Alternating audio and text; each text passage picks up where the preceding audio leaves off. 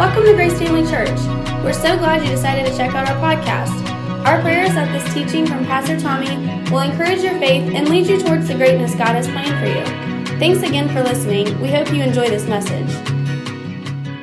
Matthew chapter 6 and verse 22 is our takeoff verse of scripture, and so, and verse 23. So let's read that and then let's jump into what the Lord has for us for the remainder of the service today.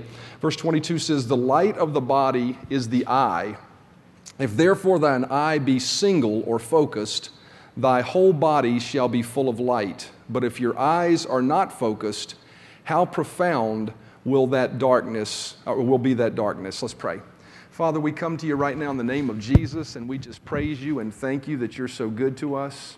Thank you so much that you love us. Thank you so much for your presence here today, for the just enjoyment of being together, but also thank you for the enjoyment of experiencing you.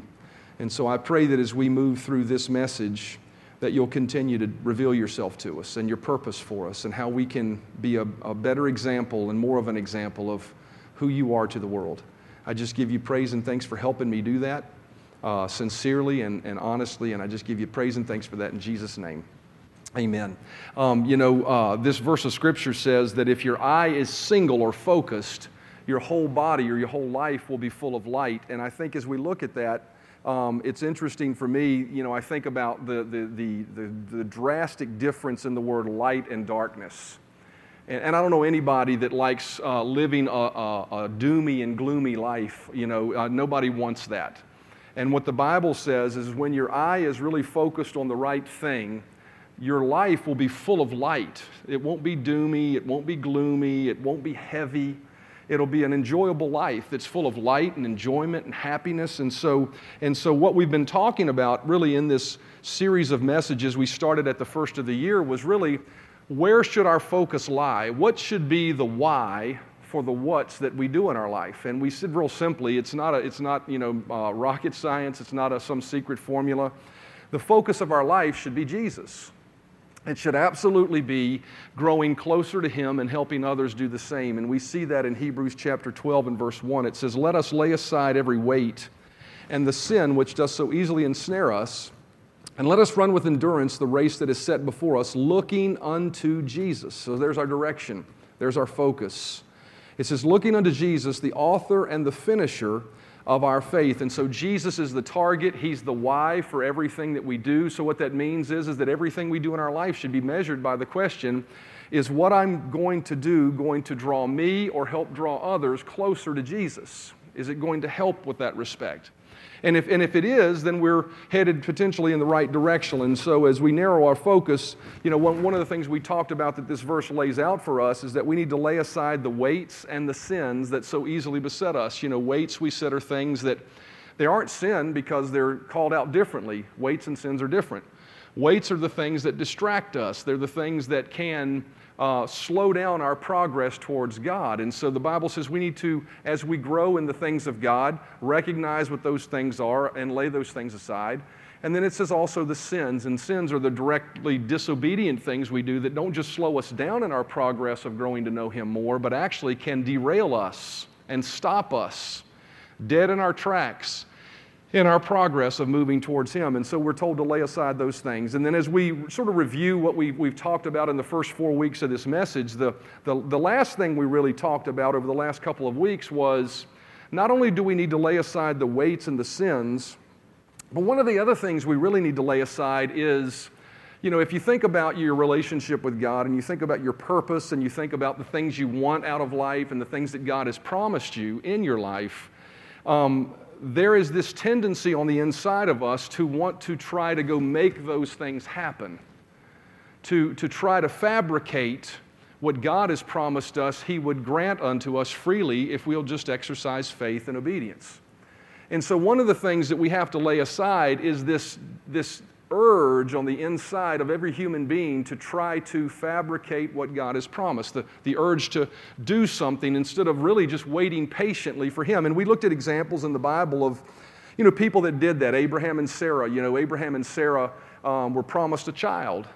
Um, but but the, the child didn't come as quickly as they had hoped. And so there was this dissatisfaction on the inside of them. And they tried in their own efforts to create that satisfaction by, you know, Sarah said, you know, go sleep with, you know, your handmaiden, you know, and, and let's have a baby, right? And, and that didn't work out too well, we find out to be true. And so, and that's typically what happens is when we try to move the hand of God by moving ourselves before He tells us to move, we wind up creating problems more than we do wind up creating solutions. And so it's important for us to know we need to resist the urge to just sit still, to, to do something, and instead just sit still and be patient and wait on Him to do what only He can do.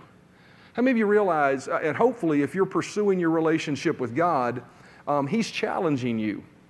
You ever been challenged by God to do something that's beyond your own ability to pull it off? I have.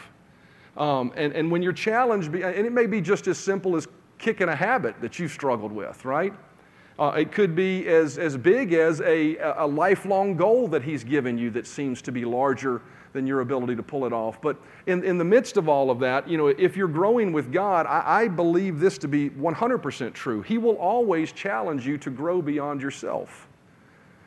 He will always challenge you to believe bigger than you believe you can accomplish. He will always challenge you to trust Him to do more than you could do within yourself.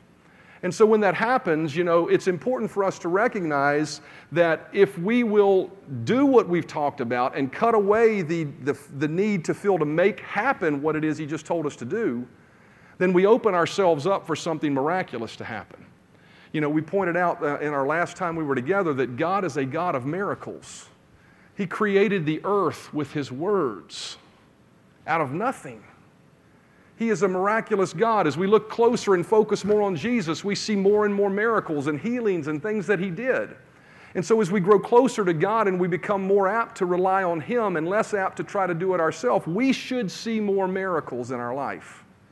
It's just a fact of, a fact of, of, of the scriptures. And so, the closer we grow to Him, the closer we grow to miracles. And so, today, though, what I want to do is, you know, as we talk about, you know, not doing it ourselves and waiting on Him, I want to clear up the, the potential for a misconception of what we mean when we say wait on Him. What we mean when we say to not do anything in, in and of our flesh and our own strength, but to allow Him to do what we cannot do. You know, as you think about it, you know, it's sort of ironic because what I'm going to talk about today is how many of you know God calls us to live a life of obedience? How many realize that? So, obedience is something you have to do, right? But as you think about, you know, the plans and purposes and the great dreams and the hopes and the promises that God has given us, uh, we're commanded to wait on the Lord to bring those to pass. And so it's sort of, you know, uh, uh, uh, almost an oxymoron. He says to wait, but to obey. And so we're faced with this challenge of, you know, how, how, how do I know when it's me wanting to do something and when it's a situation where I should just wait and let God do something? How do I know when it's right or wrong to do that? And so, you know, I think it's important to clear up a bit of a misconception because I think what we've really talked about through the very uh, first four messages of this series is really focusing on Jesus and drawing closer to Him and narrowing the aperture of our focus on Him as our Savior and growing closer to Him, making that the goal of everything. But, but, but what we're not saying is this I'm not saying that that means that you need to spend every waking moment of your life praying and worshiping and never doing anything else. Uh, because, you know, I think as, as individuals that love God, and even back to what I talked about after the worship, you know, we're so challenged and we're so, as individuals, the way we're wired so much for achievement, I think it's, it's always going to be in our mind that I need to be praying more. I need to be spending more time with God. I need to be worshiping more. How many of that thoughts crossed your mind just in the last week? Right? Um, and that's, that's all true and well. The more you can spend time with Jesus, the better you, off you are.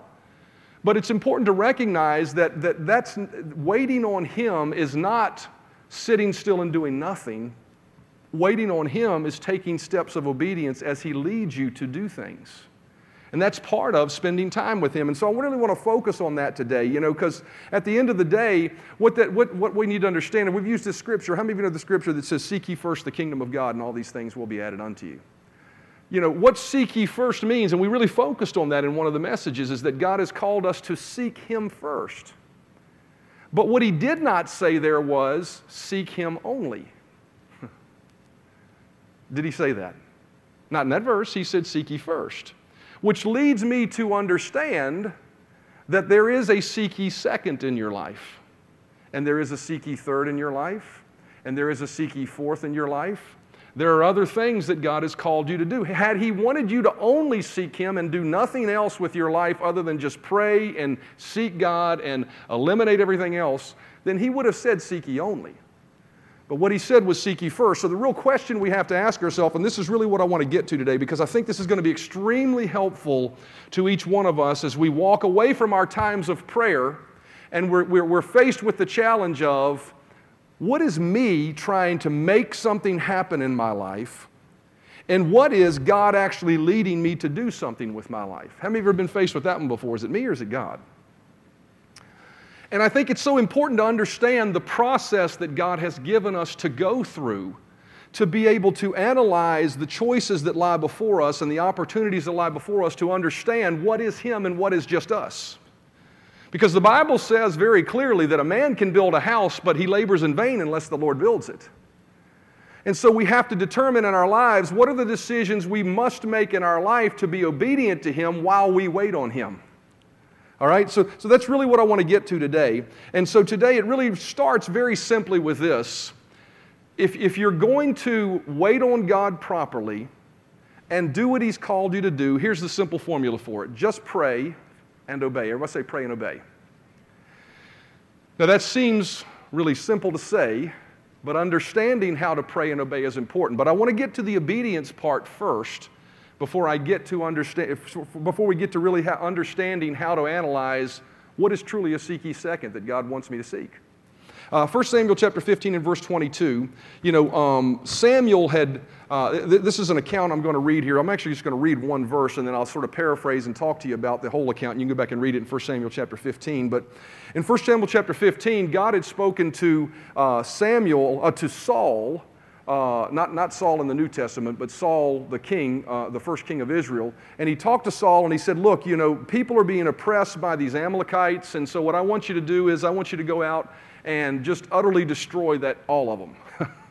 I want you to go out and destroy them. I want you to eliminate all the sheep, all the rams, all the goods, everything. Just annihilate that, that, the, them and, and then move forward so that, so people aren't being oppressed by evil people. And then in 1 Corinthians chapter 5, and, and then what happened is um, Saul, Saul made a choice in the midst of that calling to do something himself that God never called him to do. And what he did himself seemed like a good thing. But the good thing he seemed like he was doing was really to satisfy a personal desire instead of something that God had called him to do that was truly his calling and place in life. 1 Samuel chapter 15 and verse 22 says, But Samuel replied, does the, well, let me go back and let me lay a little bit more found, uh, groundwork. So, so, what really happened there? Um, Saul made a choice when they went in and destroyed the Amalekites not to kill all of them. And he made a choice not to destroy all the livestock. What happened was, him and his guys saw the livestock and saw all the cattle and all the goods and said, you know, some of that might be good to keep. Some of that might be nice to have. Well, God had told him not to keep it, but to destroy it all. But what he did was is he kept it. He held something back that was that, that he desired. And what wound up happening was after he held it back, he realized he was walking in a place of disobedience, so even went a step further to try to redeem what he did. What he did was he wound up sacrificing some of the very lambs that God told him not to keep to God in a religious ceremony as a king stepping into the role of a priest that he should have never stepped into. And so he wound up disobeying God and then trying to redeem something that God told him specifically not to do. 1 Samuel chapter 15 and verse 22 says, But Samuel, then Samuel the prophet, came to Saul and made this statement to him. He said, But Samuel replied, Does the Lord delight in burnt offerings and sacrifices as much as in obeying the Lord? So he says, Does God really delight in you sacrificing something, struggling to show your commitment to Him? Over you just obeying Him?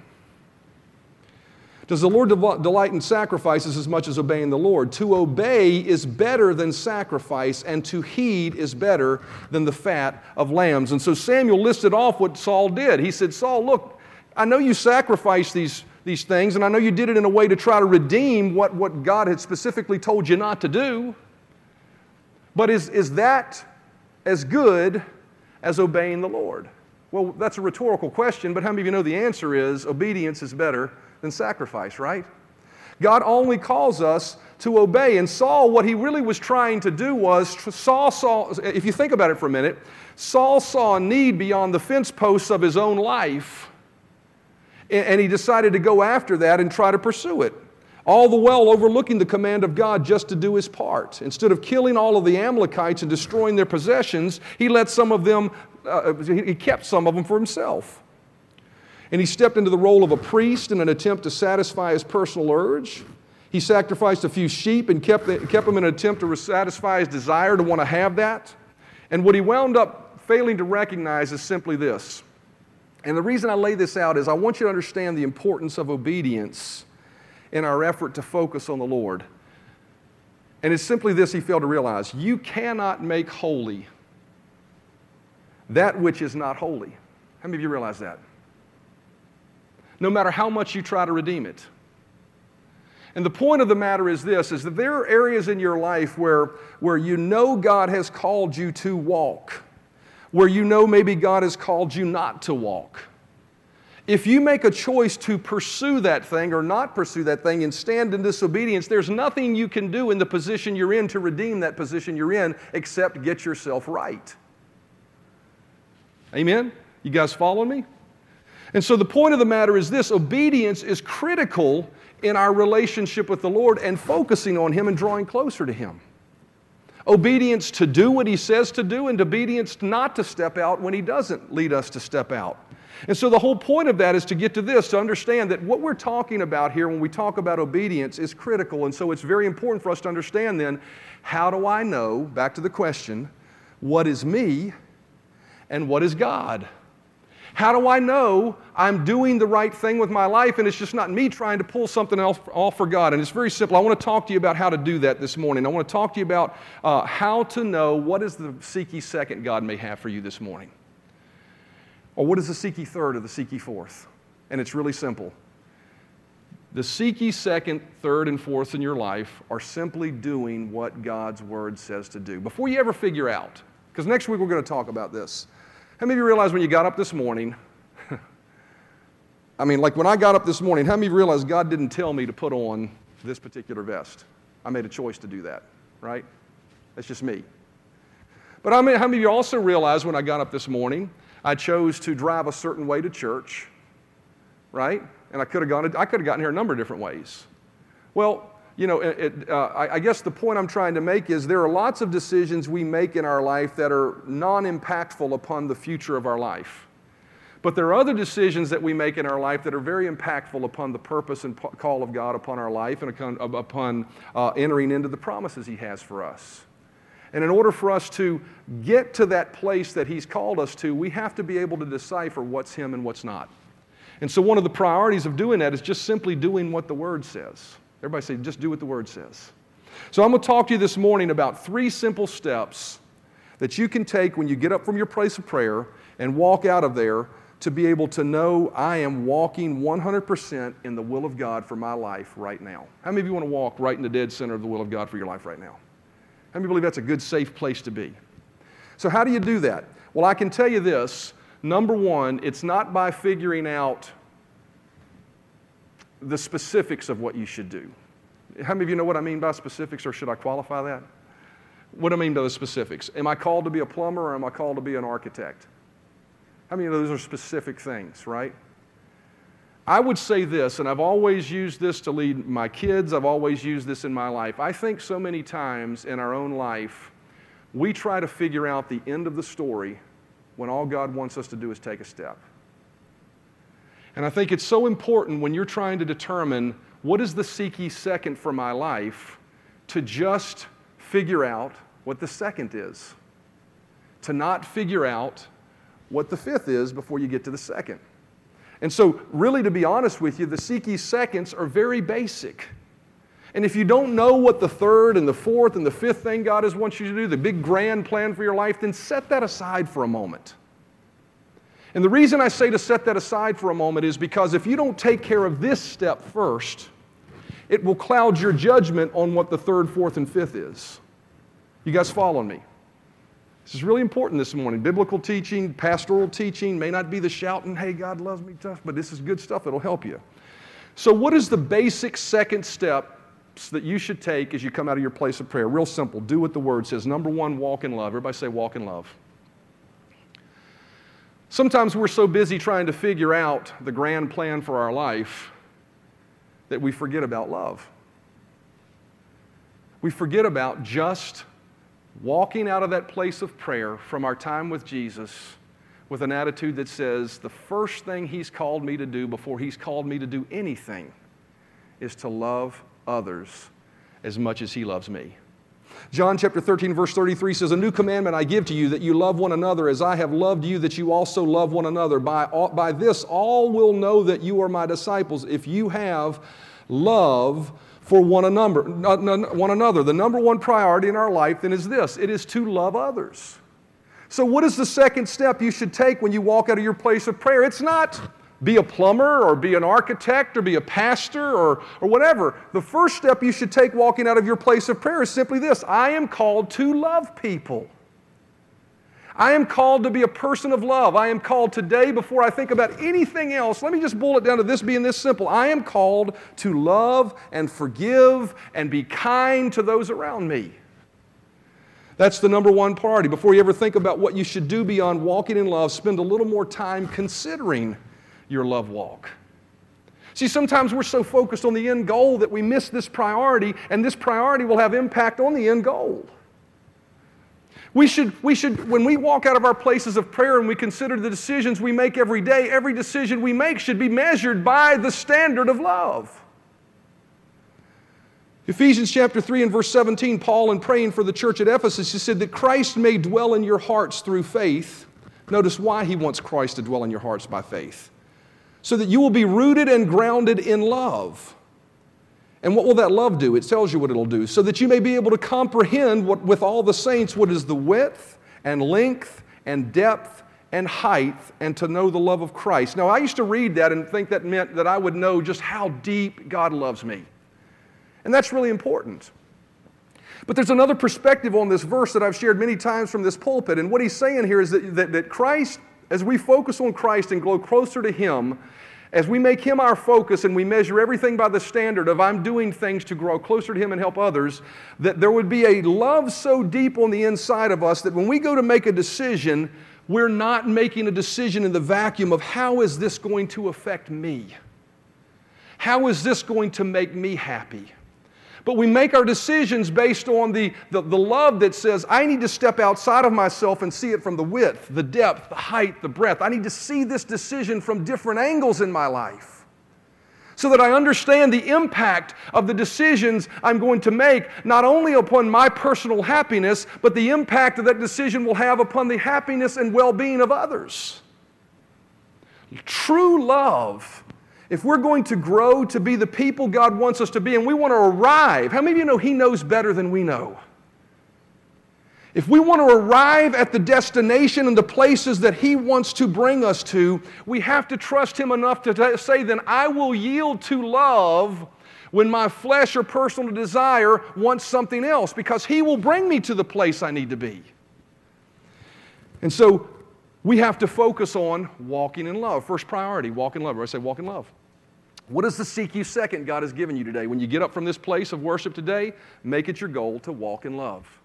Make it your goal that every decision will be tempered by love. What's the second, second thing that God's called us to do? Here's another basic take care of your family. Everybody say, take care of your family. 1 Timothy chapter 5 and verse 8 says, rubbing. What was that? Did you hear that? Did y'all hear that? It says in 1 Timothy chapter 5 and 8, verse 8, but if anyone does not provide for his own, and especially for those of his household, he has denied the faith and is worse than an unbeliever. So, what that verse tells me is that one of the other basic things we must do if we're going to grow and walk in the seek ye seconds of God, we must temper everything by the decision of how is this going to affect not only others, but how is this going to affect my family? Is this going to allow me to properly provide for and care for my family? Is this going to allow me to properly lead my family as a priest of God? Is this going to allow me to regularly provide the interaction and hope that my family would, would, would, would desire to have? The first goal of every believer, the first goal of every believer is to provide for his family. You realize that God created the family before he created the church? I know many preachers that have sacrificed their family at the expense of their calling. I would I'm not going to judge them. They'll stand before God one day. But I believe, based on what I see in Scripture and the precedent of how God set things up, family first, that my first calling is to be a, a provider for my family. Not just physically, and not just financially, but even spiritually. It is my goal to provide for them. That is my calling. Everything else takes a back seat to that in my life. That doesn't mean that you can't serve God. That doesn't mean you can't pursue hopes and dreams, but that does mean that every decision I have to make has to be tempered by I'm going to stand before God one day and He's going to say, Did you take care of your family? And that's not just a ma- for a man, that's for everybody. How many of you realize everybody's got a role in the family of taking care of their family?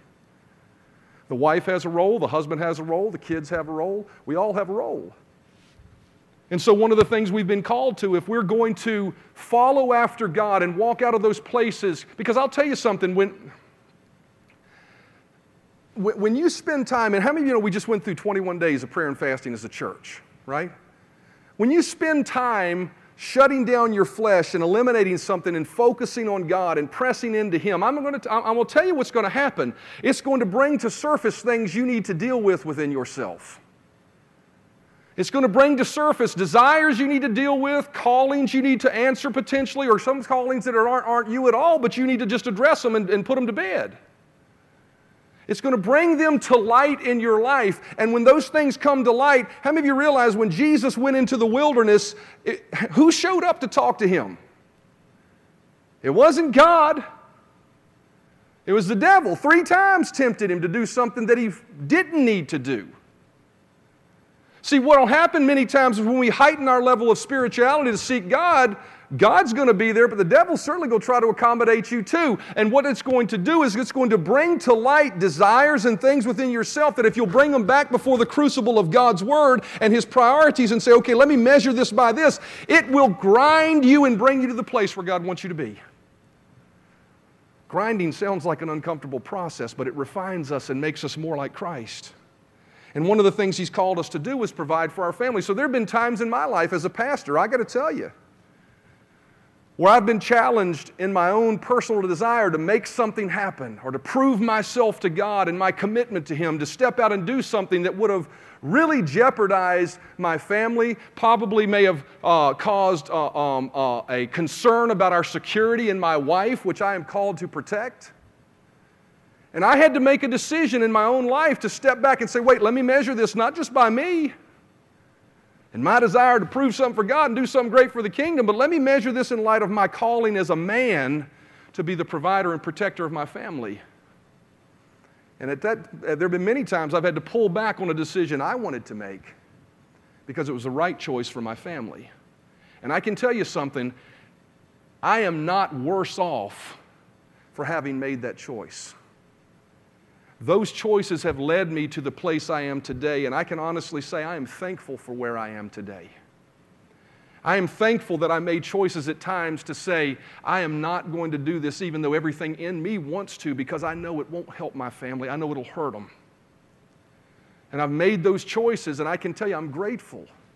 And I believe I'll stand before the Lord one day, and He'll, and you're going to see in a moment, I, I believe we'll stand before the Lord one day, and He'll say, Well done, because you took care of your priorities. You didn't let the big picture swallow up the important small decisions you have to make every day of loving your family and loving others. And then the last thing you have to do is you have to make a decision. Well, I, I put this in underline, so I'll write it down. The greatest legacy one person can leave is the legacy that they provided for their family. I, I thought about that statement because the Spirit of God gave it to me, and I'm so grateful for my parents. I'm so grateful for my mom and dad. They're, they're dead and they're gone to heaven. But I'm so grateful for them that they made choices in their life that really, I, I look, I, I know my dad, well, I knew my dad well. He was my best friend. And I know the passions and desires that he had in his life to want to do some things that he restrained and he held back.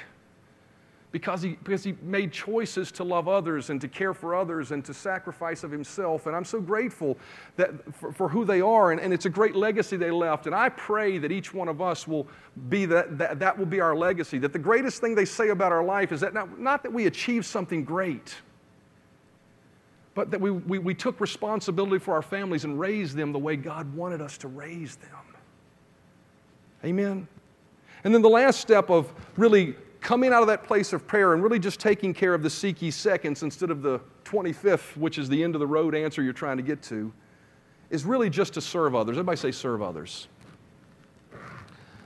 In whatever we do, we need to serve others. John chapter 21 and verse 15. I want to read to you a portion of scripture. It's a great revelation to me as I was preparing for this message. It was fresh revelation for me, and I hope it'll be helpful to you. But here in John chapter 15 and verse, uh, John chapter 21, verse 15, we have Jesus sitting by the lake with his disciples after he had risen from the dead, after Peter saw him out on the water. Um, and, and, and he said, Jesus, it is you. And he said, Yes. And, Jesus, and Peter jumped in and swam to him, came back, they made a fire, and they're eating fish together, just hanging out. How many of you know Jesus just wants to hang out with you? How many realize sometimes it's okay just to hang out? Man, we can get so antsy sometimes that we got to move, we got to do something. And sometimes just hanging out is the best thing in the world you could ever do. John chapter 1 and verse 15 says So when they had eaten breakfast, Jesus said that they must have fished very early because they're just eating breakfast after they fished. So when they had eaten breakfast, Jesus said to Simon Peter, Simon, son of Jonah, do you love me more than these? What was he saying? He's saying, Simon, do you love me more than the fish? Why was he saying that? Well, Peter was a fisherman, right? He identified himself as a fisherman. And he said, Peter, do you love me more than the thing you love the most? Do you love me more than these? And he said to them, Yes, Lord, you know that I love you. It's really interesting. He didn't say, Well, then go fishing. He said, Feed my lambs.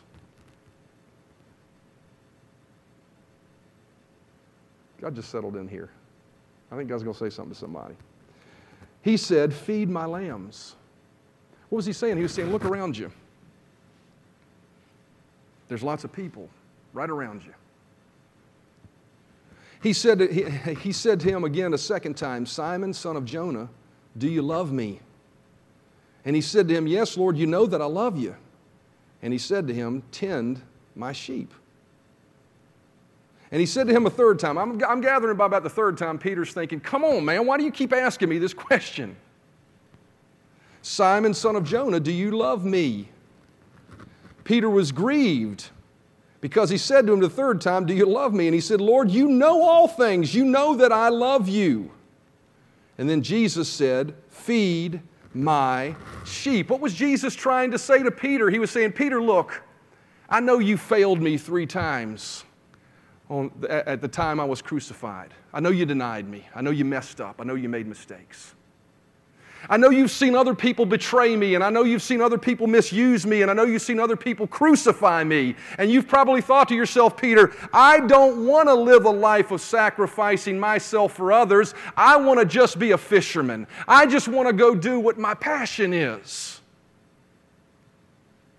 And Jesus at this point of his maturity, and I got to tell you, Peter probably couldn't have handled this at a younger age, but at this point of his growth in, in Christ, Jesus looked at him and said, Then, Peter, if you really love me, then feed my sheep, serve others. Start thinking about someone else other than yourself. And then he says these words, and I think it really brings revelation and insight to what he was trying to get across to Peter. He said, Most assuredly, I say to you, when you were younger, you girded yourself and walked about where you wished. But when you were old, you will stretch out your hands, and another will gird you and carry you to where you do not wish to go. I used to read that thinking what this meant was, you know, when he was younger, he did what he wanted. When he gets older, he's going to be decrepit or he's going to, something's going to hurt him, and people have to carry him around to where he's going. And even thought that because of the next verse. It says, This he spoke, signifying by what death he would glorify God. And when he had spoken this, he said to him, Follow me. But Jesus wasn't saying, This is how you're going to die, Peter. He was saying, Peter, this is the death that every believer has to face. And what's that death? Well, look at verse 18. Verse 18 says, You girded yourself when you were young. That word young, I looked up that word young, and that word young means immature. He said, When you were immature, you girded yourself. What was he saying? You put on whatever clothes you wanted to put on. You did whatever you wanted to do when you were young.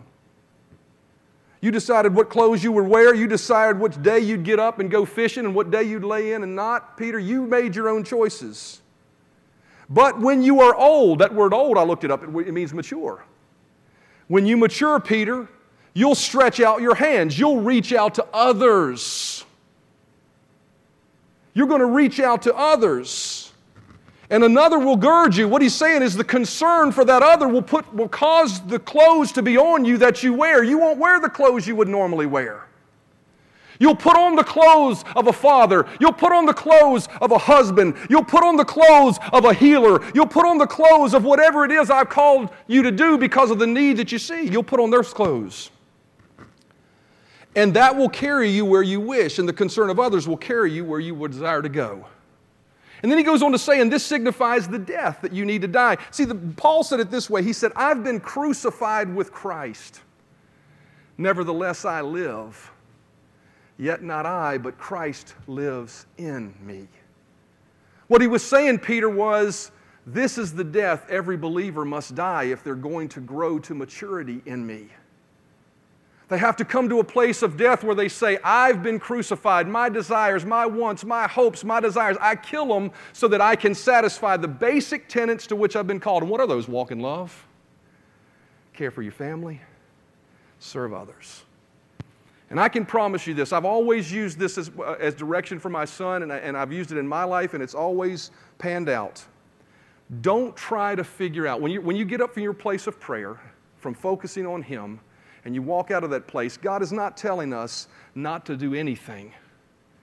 What He's telling us not to do is to not fabricate something when all I'm asking you to do is just take care of the basics. One step at a time one day at a time, I will lead you to where it is your heart wants to be. And oftentimes, you don't even know the steps that I'm going to lead you to take that will get you there, and you'll arrive at it at the end of the thing and look back and say, Wow, how did that happen? How did that happen? Mature people have learned to put down selfish desires and put on the cloak of laying down their life for the sheep that God has placed in their life. Everybody say, in your life. See, what happens many times is we get dissatisfied in the position that we're in, or where we're at, or where we're standing, and we look to distant horizons for something to satisfy on the inside of us that only God can satisfy. And we have to learn sometimes to be patient enough to wait on God and just do the, I hate to use this term in church, but the unsexy things. what? Just loving people, just taking care of your family just getting up each day and do what's right. But when we do that, ultimately it will lead us to the place where at the end of the road we look back and we're standing in the place that our heart desired so much in the first place. What winds up happening many times and why we run from the place that we've been planted is because we sense a void in our life, a dissatisfaction in our life, of, and, and we try to go fill it. I've often said this when, when you see a void in the place that you're standing, I don't believe it's God pointing it out to you so you can run away from it. I believe it's God pointing it out to you so you can deal with it so you can deal with the desire if it's a wrong one, or so that you can say, and this even applies to church. I look a lot of times in churches, and I see people who look at a, go to a church, and I've watched this over the many years I've served God. They'll go to a church and they'll say, well, it doesn't have this, it doesn't have that. Maybe you're seeing it doesn't have that because God is speaking to you about maybe you need to fill that. Instead of running somewhere else and just being a consumer like you do when you go to McDonald's and buy your double cheeseburger and french fries and large Coke. Sometimes our own dissatisfaction in where we're at is an opportunity to get on our knees and say, God, right here where I'm at, is there a dissatisfaction in other people that I'm, because how many you know there's no temptation given to man that's not common? A lot of times your, your dissatisfaction is the same dissatisfaction somebody else is experiencing. And if you'll get on your knees and say, God, how can I use this to bloom right where I'm planted? God will use that to create something phenomenal in your life so that when you wind up at the end of your life, you'll look back and say, My God, I never could have figured that out on my own, chasing something, as opposed to living something with Him. Amen? Amen. My sheep, and I can promise you this. Well, what, yeah, but what, but what about when I'm taking care of the basics? There is something He wants me to do. John chapter 10, verse 27. Getting ready to close. Musicians, if somebody wants to come and play. John chapter 10 and verse 27 says, My sheep hear my voice. How many of you are one of his sheep? Amen. He said, My sheep hear my voice, and I know them, and they follow me. What's he saying? He's saying, If you're his sheep, you can hear his voice. So if you haven't heard what to do yet, then he hasn't spoken to you. If you're not sure what to do yet, he hasn't spoken to you. If God could cause an angel, Gabriel, to show up and tell Mary that she was going to immaculately conceive Jesus, how many of you realize if God needs to do something drastic to get you to move, then He will do it? And if He hasn't, be patient. Wait on Him. Don't derail what is fostering and germinating in your life that He may be developing into something great and awesome. Amen? So, back to the question what are the seek ye seconds in our life? Very simple. Love, walk in love. Amen? Can everybody say walk in love? Take care of your family and serve others. Matthew chapter 6 and verse 22. It says, The light of the body is the eye. If therefore thine eye be single, thy whole body shall be flooded with light. So many times when we're dealing with questions of what should I do and where should I go and what decision should I make, I don't know any other way to explain it than to say at times our life seems to, it seems like a cloud settles over us. We become darkened a little bit and worried and heavy about it. God has not called us to heaviness. He's called us to a life of living light and free before Him. And I believe with all of my heart that this message is so fundamental and so critical to us growing closer to Him because what He's saying is, is if you'll give me the what's of your life and you'll focus on just the basics, the pressure of what you've been feeling will fall off of you like water off a duck's back. Let it go. Let it go and be patient enough to wait and just take care of the basics. Next week, I'm going to talk about how do we get to that next step of knowing when He does speak and say something specifically. I'm going to talk about that next week. But before we can ever get there, we have to let go of the franticness that says, I got to do something, I got to make a decision, I got to make a choice.